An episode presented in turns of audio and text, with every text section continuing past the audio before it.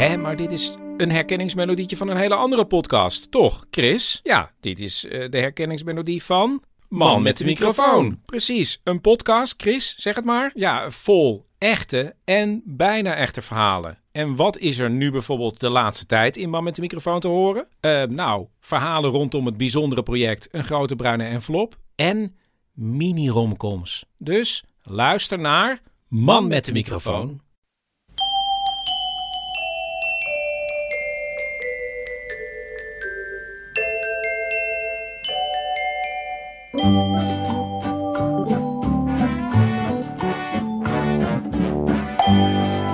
Welkom bij aflevering 257 van Echt Gebeurd, de podcast waarin waargebeurde verhalen worden verteld door de mensen die ze zelf hebben meegemaakt.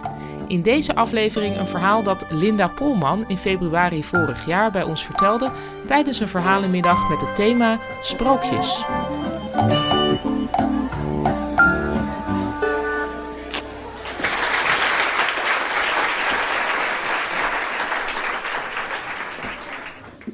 Steeds als ik op tv zo'n bootje zie aanvaren vanuit Libië, vol met Afrikaanse migranten, dan ga ik toch onwillekeurig iets dichter bij de tv zitten. Ik ben altijd onwillekeurig ben ik op zoek of ik daar mensen tussen zie zitten die ik ken. Ik heb namelijk vrij lang gewoond in West-Afrika, waar heel veel van die migranten vandaan komen. En ik heb er ook verschrikkelijk veel mensen gesproken die allemaal die achter de African Dream aangingen. En de American Dream, die kennen we, dat is rijk worden in Amerika. De African Dream is rijk worden in Europa. En dat had echt wel heel erg epidemische vormen. Um, dat blijkt ook wel een beetje, tot, tot nu toe, hè, want het blijkt ook wel een beetje als je kijkt naar uh, het beleid van de EU. Die uh, stoppen echt tientallen miljoenen euro's per jaar in één doel. En dat is het demystificeren van het leven in Europa. Mensen hebben zo'n zo'n sprookjesachtig idee van hoe het leven hier kan zijn. Dus daar gooien ze echt tientallen miljoenen per jaar tegenaan. Ik ben een poos in West-Afrika, ben ik op een soort, ja, noem het maar een soort uh, eenmansmissie van de Europese Unie geweest ik, praat, ik was daar als journalist en ik praatte dan met mensen over die reis naar Europa. En ik probeerde ze maar in te prenten dat het in Europa echt niet zo alles koek en ei is. En dat het in Europa echt niet zo leuk en mooi en aardig is. Maar er was gewoon, er was gewoon ja, er was geen land mee te bezeilen met die mensen. Um, dus hun, hun enige droom, dat bleef, dat bleef dat Europa. En al helemaal na 2005 uh, in 2005 uh, eh, brak namelijk uh, de periode aan van MTV, Base Africa in Afrika. En al die clips die op MTV te zien waren in Afrika, dat was van Afro-Amerikanen. Allemaal van die hip-hop sterren en van die breakdance sterren. Nou, die clips die kennen wij natuurlijk allemaal wel. die hip-hop sterren zien er ontzettend hip uit. Iedere 30 seconden hebben ze een andere geweldige outfit aan. En ze gaan van A naar B in helikopters en in roze Cadillacs. Dus dat wil wel. Um, dus uh, dat, um, ik heb toen op een gegeven moment heb ik die strijd ook maar een beetje opgegeven. Hè, om, uh, om nog verder te redeneren met mensen. Andere, uh, wat ik dan ben gaan noemen, sprookjesproeiers. Mensen die, die, dat, die dat idee in leven hielden van dat het allemaal zo fijn was in Europa en in Amerika. Dat waren familieleden die die migratie wel hadden gemaakt. In, uh, in Sierra Leone bijvoorbeeld, waar ik lang heb gezeten. Daar zit een hele grote gemeenschap van Sierra Leone zitten er in Londen, in Engeland. En ieder jaar met kerst komen die mensen terug naar Sierra Leone. En dan gaan ze, de thuisblijvers, gaan ze vreselijk de ogen uitsteken. En ik heb dat nooit heel goed begrepen. Maar dan komen ze echt behangen met juwelen die ze daar gekocht hebben. En ze komen, ze komen uh, feest vieren daar. Ze vieren s'avonds feest in die, in die lokale kroegen. En dan bestellen ze ontzettend veel gebraden kip en bier. En dan zitten ze daar vreselijk luidruchtig, zijn ze de ogen aan het uitsteken van die mensen daar. Daar moet een psychiater nog maar eens goed naar kijken, want ik begrijp dat dus niet zo goed waarom ze dat doet. Maar het moest heel erg geweten zijn dat zij slim waren en, uh, en waren geëmigreerd. En de mensen die waren thuisgebleven, die waren maar dom en die waren bovendien heel erg arm. Nou, dat, um, uh, ik heb die strijd dus opgegeven. Ik ben, uh, ik ben zelfs een beetje meegegaan in die rare African Dream. Van je moet per se naar Europa. Uh, ik kwam namelijk in West-Afrika wel eens groepjes jongelui tegen. Die waren op weg naar Europa, zogenaamd dan. Want de aller, aller, allergrootste meerderheid die strandt gewoon in die eerste de beste stad waar ze terechtkomen. En die hebben dan geen cent over en dan blijven ze in zo'n stad hangen. Dus ik kwam bijvoorbeeld wel eens groepjes jongelui tegen uit Cameroen.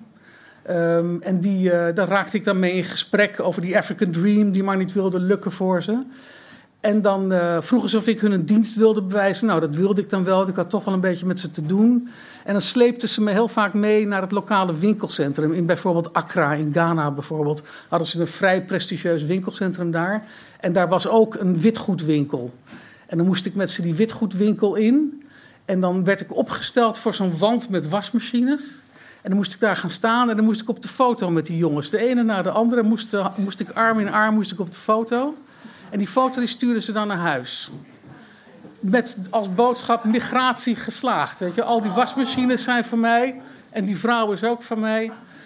En, ik heb me, en dat gebeurde vrij vaak. Dus ik heb me altijd wel afgevraagd in hoeveel Afrikaanse huizen ik hang aan de muur. Als mevrouw Camara of zoiets dergelijks. Um, de enige migratie die ik wel graag had zien slagen, dat was uh, die van mijn Afrikaanse geliefde. Jawel. En dat lukte dus niet. Um, die uh, was rijk genoeg, die kreeg wel een Schengen-toeristenvisum. En die kon ook gewoon met het vliegtuig komen. Um, en hij is een paar keer naar Nederland gekomen om te kijken of hij hier zou kunnen aarden.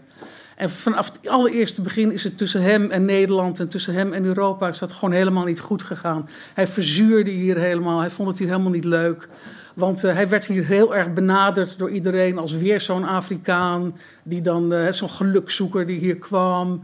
En die kwam hier uit de ruifvreten en een nepvluchteling en noem maar op. Dat heeft hij altijd heel erg gevoeld dat dat zo was en dat mensen zo over hem dachten. En hij werd, hij werd, steeds zuurder, want in Afrika was hij iemand. Daar, hij, had een, hij had een bloeiend bedrijf daar, en hij had een knappe auto, en hij had een bankrekening. Maar hier in Europa was hij opeens, was opeens niks. En van de weeromstuit werd hij heel erg zuur, maar hij werd ook heel erg kritisch op, op Europeanen. Hij ging vreselijk zitten afgeven. Het was gewoon niet leuk om, om bij in de buurt te zijn. Hij ging heel erg zitten afgeven op uh, hoe dom Europeanen dan wel niet waren, bijvoorbeeld. En hoe wij heel erg naïef waren en overal in geloofden. En hij beet zich helemaal vast in bijvoorbeeld sterreclameboodschappen op televisie. Dan uh, zat hij zich vreselijk op te winden over van die reclameboodschappen Um, met bijvoorbeeld zingende wc-borstels, weet je wel? En met, uh, en met dieren die spraken. En met, uh, en met groentes, met oogjes en met mondjes die liedjes zongen en zo. En dat vond hij allemaal, vond hij allemaal buitengewoon debiel, vond hij dat. En jullie geloven alles. En wat zit je nou naar die flauwe cult te kijken? En in, la, in wat later zou blijken zijn laatste bezoek aan Europa zat hij ook weer naar de tv te kijken. En toen was er een reportage op tv van een duikelaar die was gesignaleerd in de Waddenzee. En een duikelaar is een soort dolfijn, hè? Nou, er was al heel lang was er hier geen duikelaar waargenomen. Dus het was een enorme toestand in Nederland. En uh, die duikelaar zag je dan op tv rondje in de lucht springen en rondjes maken. En op het strand stonden allemaal Nederlanders met verrekijkers en met kietjes op hun schouders en zwaaien naar die duikelaar. En hij zat er weer naar te kijken, zo van, wat doet die vis op tv? Dus ik hem uitleggen van, nou, wij zijn in Nederland wel heel erg blij. Want uh, die duikelaars zie je niet elke dag. En wij zien dat toch een beetje als teken dat wij het goed doen met ons milieubeleid. En dat zo'n duikelaar hier dan komt. Nou, was allemaal helemaal niet aan hem besteed. Ondertussen was een marinebioloog op tv en die zat dan heel zorgelijk over die duikelaar. Van ja, eigenlijk is dat waddenwater ietsje te koud voor het beestje. En er was ook een shot van een meisje, een klein meisje, die had een tekening gemaakt voor die duikelaar van een Greenpeace-boot. En dat was, dan voor, dat was dan voor die duikelaar. En dat, en dat was om hem welkom te heten in Nederland. Ja. Nou, dat was het einde van de relatie, denk ik. Dat vond hij zo idioot dat dat kind geloofde. En dat het ook door die ouders bevestigd werd, kennelijk. Dat dat kind geloofde dat een duikelaar een tekening kon, eh, kon appreciëren. Hij zegt, jullie, jullie laten kinderen geloven in Nemo en in Spongebob, zei hij. En uh, hij, is, hij, is, hij, is, nou, is, op een gegeven moment is hij teruggegaan naar, naar Afrika.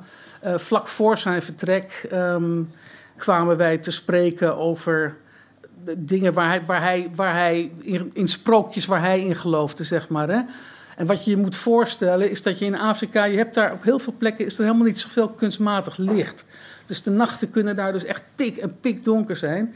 En als je dan omhoog kijkt, dan zie je waanzinnige sterrenhemels. Echt miljarden sterren en dat twinkelt en dat doet. En omdat het zo helder is daar, de lucht, uh, lijkt het wel alsof die sterren heel erg dichtbij zijn. En toen kwam ik er dus achter dat hij dat ook echt geloofde, dat die sterren heel dichtbij zijn. Zijn moeder had hem opgevoed in de wetenschap dat die sterren, vijf, dat waren eigenlijk kleine, kleine lichtjes, waren die sterren. En die hingen op vijf meter boven de mensen. Daar hingen al die kleine lichtjes. En als je een ladder had, dan kon je ze ook aanraken. Nou, toen had ik hem eens een keertje tuk. Dus ik zeg van, nou, dat, uh, ik zeg, dat is echt flauwekul. Um, ja, het is echt flauwekul. Daar, uh, ik, ik, begon over uh, dat het miljarden kilometers ver weg was. En ik begon over de NASA in Houston. En, en toen zei hij iets tegen mij. En dat ben ik vast veel, later ben ik dat pas gaan, gaan waarderen. Toen zei hij tegen mij: Ik woon veel liever op een plek waar je de sterren met je blote handen kan aanraken.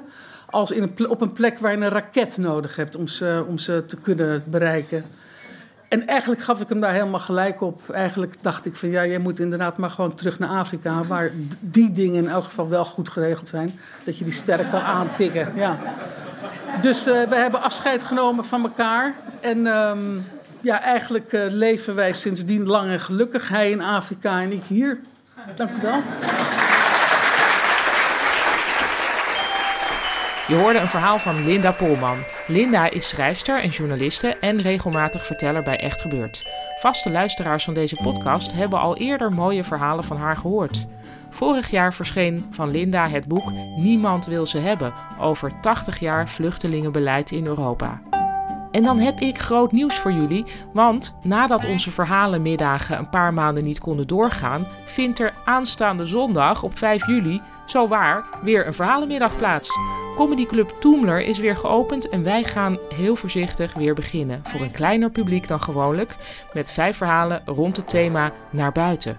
Vanaf vanmiddag, dat is donderdagmiddag, is er een beperkt aantal kaarten verkrijgbaar via de website van Toomler. En dan moet je even kijken op www.toomler.nl.